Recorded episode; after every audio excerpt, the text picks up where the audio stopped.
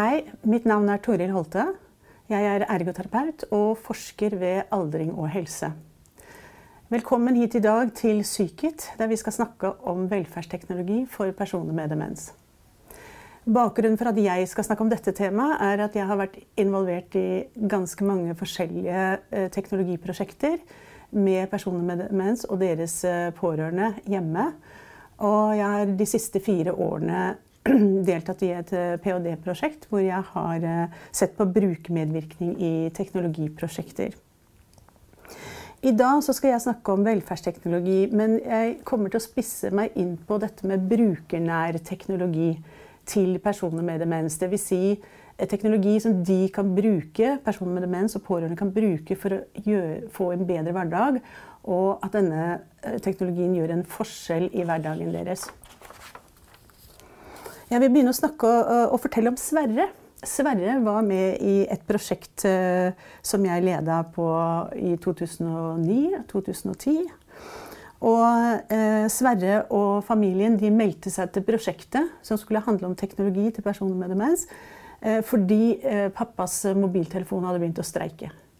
Så de ønska da at eh, eh, Sverre skulle få en ny mobiltelefon. Og ergoterapeuten i prosjektet hun foreslo da en klapptelefon til Sverre. Sverre var en Eh, ivrig uh, mann ute i naturen. Han gikk på turer hver dag, plukka bær, plukka sopp og var ute og kosa seg uh, på tur. Og familien hadde veldig behov for å ringe til pappa for å høre hvor er du nå, og kommer du hjem, og er du på vei hjem nå, osv. så Sverre skulle få en, en telefon. Men familien var ikke så enig i dette med klapptelefon. Eh, sønnen mente at en klapptelefon var for feminin, så pappa måtte ha en svart telefon uten klapp. Og vi prøvde å finne en eh, telefon som var svart og ikke hadde klapp, og som var enkel å bruke. Og det fant vi, og Sverre fikk eh, prøve den i prosjektet. Eh, det var noen nye funksjoner på telefonen for Sverre. Bl.a. måtte han lære seg dette med å oppheve tastelåsen. Og det så vi fort var en ny eh, funksjon som han måtte virkelig trene på. Så han og sønnen de trente på det. Eh, og til tross for det så klarte ikke, klarte ikke Sverre å eh, betjene den eh, tastelåsen. Derfor deaktiverte vi tastelåsen. Og Sverre hadde med seg telefonen i bukselomma ut på tur. Og selvfølgelig så lommeringte han til sønnen og kona. Og de svarte når Sverre ringte, men Sverre svarte ikke tilbake, og da ble de veldig urolige. Så dette her var egentlig ikke så god løsning. De, de pårørende var fortvila, og Sverre var fortvila fordi han ikke klarte denne enkle telefonen. Det var ikke så enkelt som vi hadde trodd.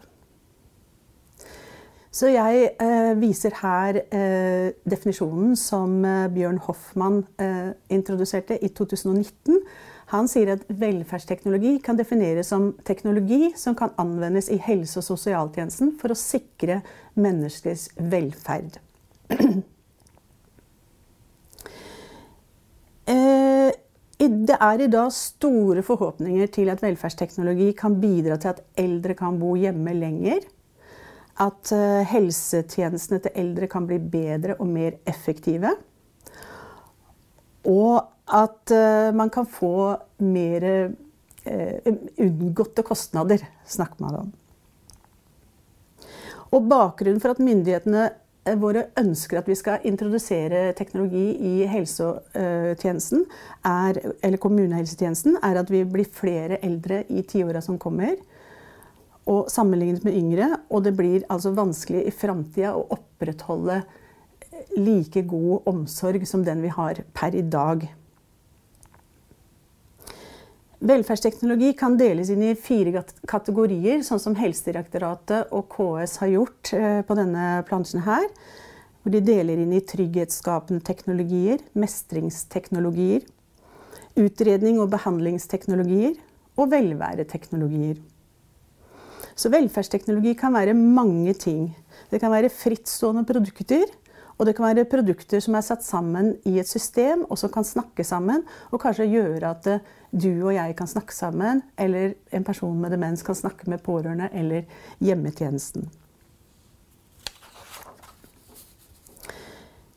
Men hvem skal egentlig bruke velferdsteknologi i dag? Hvem er sluttbruker? Og jeg støtter meg her til en eh, engelsk forsker som heter Gibson. Han har sett på ulike typer velferdsteknologier og delt, delt, dem inn i tre eh, kategorier. Den første kategorien er da eh, teknologi som brukes av personen med demens selv. Og det kan være klokker og kalendere, det kan være ulike påminnere, det kan være navigasjonshjelpemidler for å finne fram dit den skal. Det kan være medisindispenser og huskehjelpemidler, telefoner og eh, f.eks. automatisk lyssetting i hjemmet. Videre så snakker Gibson eh, om teknologi som brukes av personen med demens sammen med noen. Og det kan være sammen med pårørende eller helsepersonell. Eller begge deler. Og sånne type teknologier, det er da snakk om kommunikasjonsteknologier.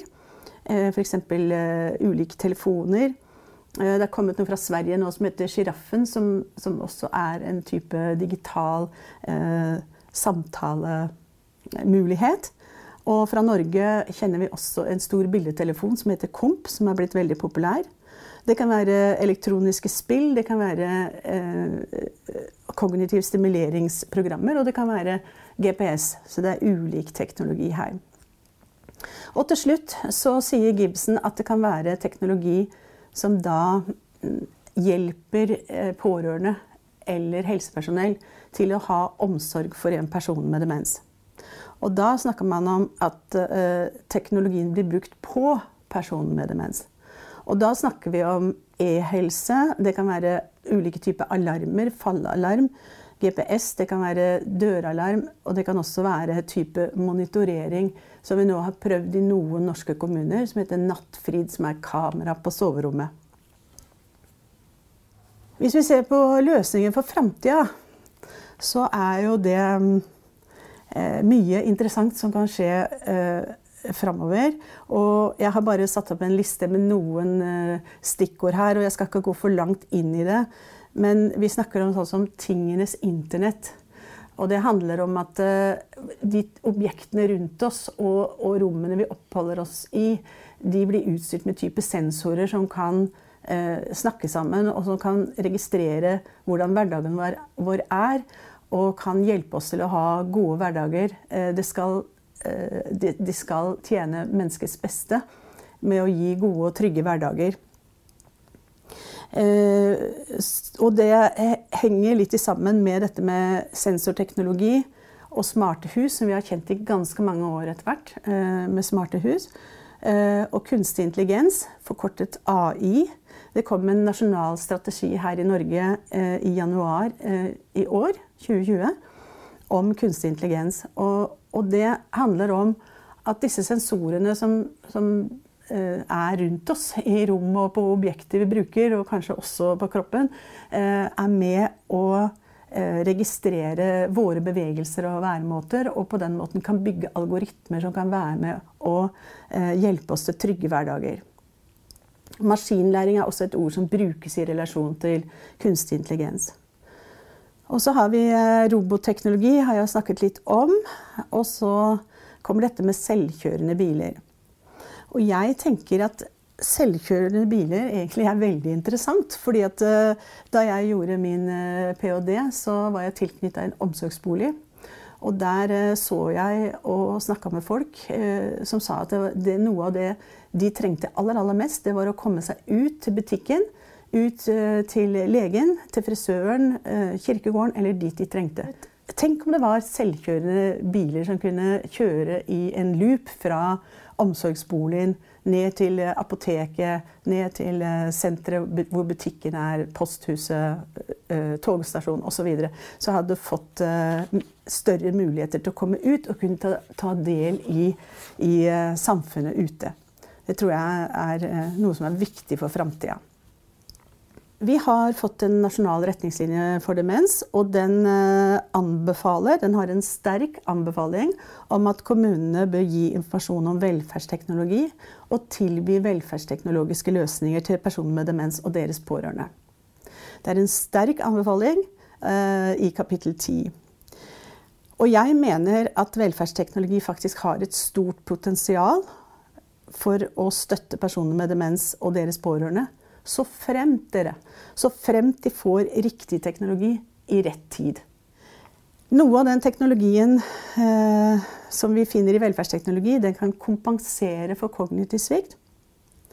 Noe teknologi kan bidra til at eh, enkelte handlinger blir eh, enklere og mestres bedre. F.eks. en enkel fjernkontroll til TV. Og noe teknologi kan gi trygghet. Det er ganske mye teknologi som er, er laget for å skape trygghet og sikkerhet for personer med demens. Så eh, sånne ting som man minner på avtaler og medisiner, det å lokalisere hvor folk er, det å hindre brann oversvømmelse, det å sikre ernæring og det å varsle ved uønskede handlinger, det er muligheter med teknologi. Før vi går videre da, så tenkte jeg at jeg skulle minne om dette med kognitive funksjoner. Eh, hva det er. For det er jo sånn at personer med demens og de som har kognitiv svikt, de kan jo arte seg eh, veldig ulikt. Altså de kognitive sviktene kan arte seg veldig ulikt fra person til person. Så jeg vil nevne at dette her er jo det som jeg kaller usynlige handikap. Og vi må egentlig være litt detektiver for å finne ut av dette her. For det er ikke bestandig at eh, personer med demens kan, kan eh, målbære det selv. At nå sliter de med å få sagt det de vil, eller de strever med å finne fram. Eller de må gjøre ting mange ganger for å lære noe nytt. Det er så, det er ikke sikkert at det er så lett å, å si. Og ikke har vi lyst til å snakke om svakhetene våre heller, har vi vel. Så her er det viktig at dere eh, er gode observatører både at dere observerer i ulike mm, gjøremål og ser hvordan eh, personen med demens eller den med kognitiv svikt løser ulike daglige eh, aktiviteter. Og det som er viktig her, da, det er at eh, vi skal kartlegge ikke bare svikten, men vi skal kartlegge ressursene også. Og dette her er veldig viktige byggesteiner for det vi skal gjøre seinere når vi skal iverksette tiltak med velferdsteknologi. Så vi må gjerne bruke litt tid på dette her. Så kartlegging er altså et uh, veldig viktig punkt. Vi kommer ikke unna det. Uh, vi må finne ut hvor skoen trykker. Vi må finne ut hvor problemet er, og hva, hva er problemet. Og det at en person får en Alzheimer-diagnose, kvalifiserer ikke for at man får en komfyrvakt som skal da installeres av en ambulerende vaktmester som ikke kjenner brukerne og kanskje ingen har vært der på hjemmebesøk. Ingen vet eh, hvordan den personen bruker komfyren. Om den bruker komfyren i det hele tatt. Koker poteter eller fårikål, eller bare steker seg et egg en gang iblant. Så vi, vi, må vite noe om bruken av komfyren før vi kan si at det er et problem. Og hvis det er et problem, når oppstår det opp problemet, og hvor ofte oppstår det? Eh, og for hvem er det et problem? Er det et problem for brukeren sjøl, eller er det et problem for de andre rundt? Og så må vi spørre videre er det noe som har vært gjort da, for å prøve å løse dette problemet. Og så må vi spørre om personen er enig i at det er et problem, og om han eller hun er motivert for å løse problemet. Så dette er viktige spørsmål som hører til kartleggingen, og det må vi bli gode på. Og sammen med i denne kartleggingen så hører også dette med behovsanalyse. Og da spør vi hva er viktig for personen. Og ofte er pårørende også med på et sånn type samtale. Så da må vi også spørre pårørende hva er viktig for dem. Og hva er viktig for tjenesten, de som skal gi hjemmetjenester til personen med demens. Og hva ønsker personen for seg selv? Hva er meningsfylt, og hva kan gi gode dager? Det har, eh, for et par år siden så kom det en eh, veldig bra nettside, må jeg si. Eh, det er VAR Healthcare. Tidligere het det PPS, Praktiske prosedyrer i sykepleie. Og de har publisert noen prosedyrer for hvordan man skal avdekke behov for velferdsteknologi og kognitive hjelpemidler hos personer med demens. Så den bør dere slå opp og lese litt på. Det kan være veldig nyttig. Jeg har tatt med denne plansjen. Her står det en nettadresse, hvakanhjelpe.no. Og det er en hjelp på veien til eh, alle oss som trenger å bli minnet på hva som fins i, i, denne teknologijungelen. Eh, det geniale med den siden her at den er at den tar utgangspunkt i hverdagsaktiviteter som svikter ved demens. Og hvis vi ser på neste plansje, så er det en eh, skjermdump av nettsiden. Og der kan dere se at eh, aktiviteten er nevnt med ulike etiketter. Så hvis det er en person som har vet, vi, klarer, vi, observerer og finner ut at dette er en person som har problemer med, med, tid og avtaler, så klikker vi på den eh, etiketten, og så får vi opp lister hvor det står Eh, forslag til mange ulike hjelpemidler og teknologier som kan brukes. Noen eh, er, blir dekket av Nav, andre må man kjøpe selv. Så dette her er en, eh, en, en liste som sorterer da, eh, teknologi etter eh, aktivitetsproblemet. Ja, så når problemet og behovet er identifisert, og vi begynner å zoome inn på et hjelpemiddel, så starter denne prosessen med implementering. Og det å implementere, det handler om ganske mye. Det handler om å installere produktet og påse at uh, brukeren både forstår hva produktet er, og hvordan det virker, eller hvordan det brukes, er riktig å si. Hvordan det virker, det er ikke så farlig, for det kan man ikke forklare om alle ting. Men hvordan det brukes, hvordan han eller hun skal bruke det, er viktig. Og det er viktig at vi bruker god tid på å introdusere hjelpemiddelet. Sånn at de får mulighet til å, å, å lære det ordentlig fra bunnen av. Uh, og da må du demonstrere produktet for uh, brukeren, sammen med brukeren. Sitte helst ved siden av, vil jeg si, sånn som på fotoet her. Uh, og, og, peke og vise. Og så må du være helt sikker på hvordan det gjøres. For hvis du nøler, så, så kommer det til å skape usikkerhet. Så du må være helt sikker på hvordan eh, produktet skal uh, brukes. Og du må bruke riktige ord for å forklare uh, dette på en enkelt og lettfattelig måte.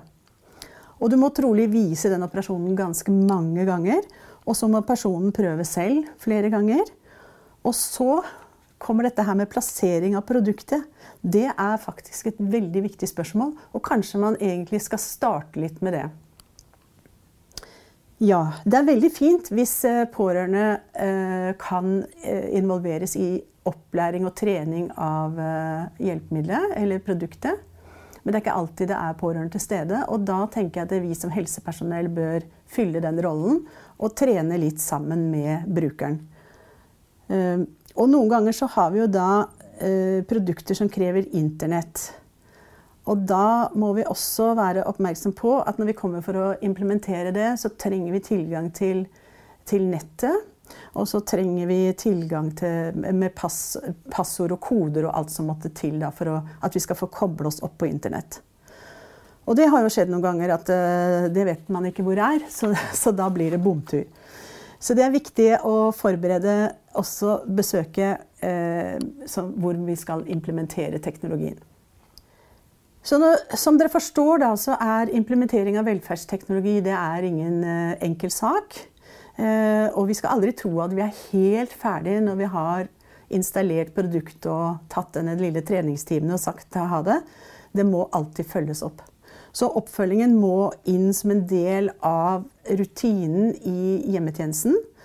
Og det gjelder både praktisk oppfølging, hvor vi eh, følger opp brukeren og, og, får brukeren til å håndtere og, og bli dus med hjelpemiddelet. Få de til å akseptere hjelpemiddelet til å bli en integrert del av hverdagen.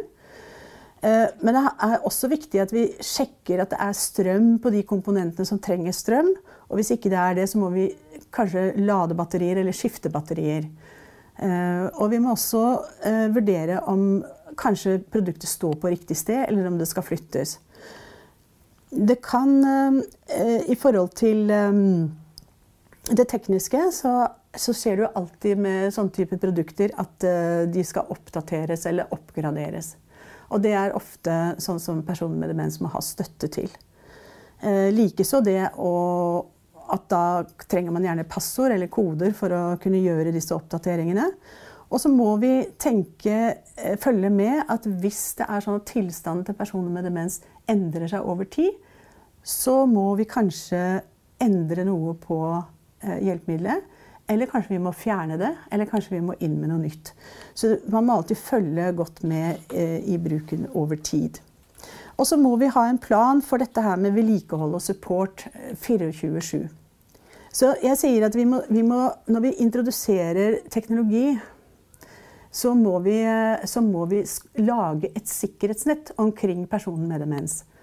Og det må være pårørende, kanskje, helsepersonell, det er kanskje noen som er særlig ansvarlig for den teknologien. Det må være noen som påser at eh, teknologien funker i det daglige. Så til litt om etikk. Og det er klart at eh, Med implementering av teknologi, bruk av teknologi, så vil det jo alltid dukke opp etiske utfordringer. Og det er, eh, det er veldig, veldig bra, egentlig. Fordi vi må tenke oss nøye gjennom hvilken hensikt skal denne teknologien ha? Hvem er den for? Er den for helsetjenesten, eller er den for personen med demens? Den skal tjene personen med demens primært. Eh, og den, vi må følge med da og se om denne teknologien kanskje kan empower personen med demens. Altså gjøre personen med demens sterkere og mer eh, selvstendig. Eh, klare å mestre hverdagen sin bedre. Eller om den kanskje svekker personens eh, mestring og handlingsevne. Så vi må være oppmerksom på om eh, teknologien fremmer eller svekker verdighet, om den øker eller minsker autonomien, altså selvbestemmelsen, og om den utvider eller begrenser personlig frihet. Det er tre ord jeg har satsa opp til slutt. Det er dette med frivillighet. Teknologi skal være frivillig. Eh, man skal samtykke til å ha teknologi. Og vi må samarbeide omkring personen med demens for at teknologien skal være nyttig over tid. Ja, så hva skjedde med Sverre, da? Han var jo med i prosjektet vårt om teknologi og demens. Og vi kartla eh, dette med problemer og behov litt nærmere. Og så fant vi det at eh, Sverre han hadde jo aldri for vane å ringe hjem når han var ute på tur. Da hadde han det så fint, så hadde, det var liksom ikke tankene hans at nå skal jeg ringe hjem til kona mi og fortelle at nå har jeg det så fint på tur. Så behovet var derfor ikke egentlig en ny telefon for Sverre. Men behovet var hos kona og sønnen, som ønsket å vite hvor pappa var, og at han var trygg når han var ute på tur. At ikke det hadde skjedd noe, at han hadde falt eller et eller annet. Så vi drøfta saken, og så kom vi fram til at eh, GPS det var kanskje en bedre løsning for familien.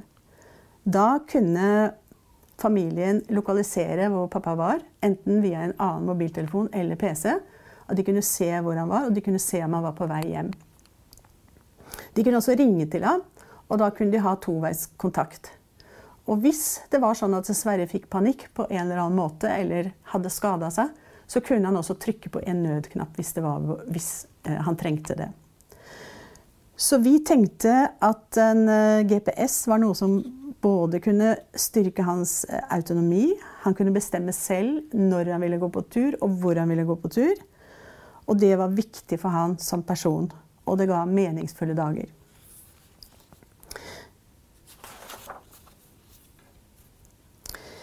Så jeg vil avslutte med å si at uh, teknologi har potensialer for å støtte personer med demens i hverdagen. Og jeg mener at det er en moralsk rett å få sine behov vurdert. Men det igjen, dere, det fordrer at vi som helsepersonell har kunnskap og ferdigheter. Både om å vurdere behov og hvordan vi kan tilpasse teknologien til den enkelte bruker.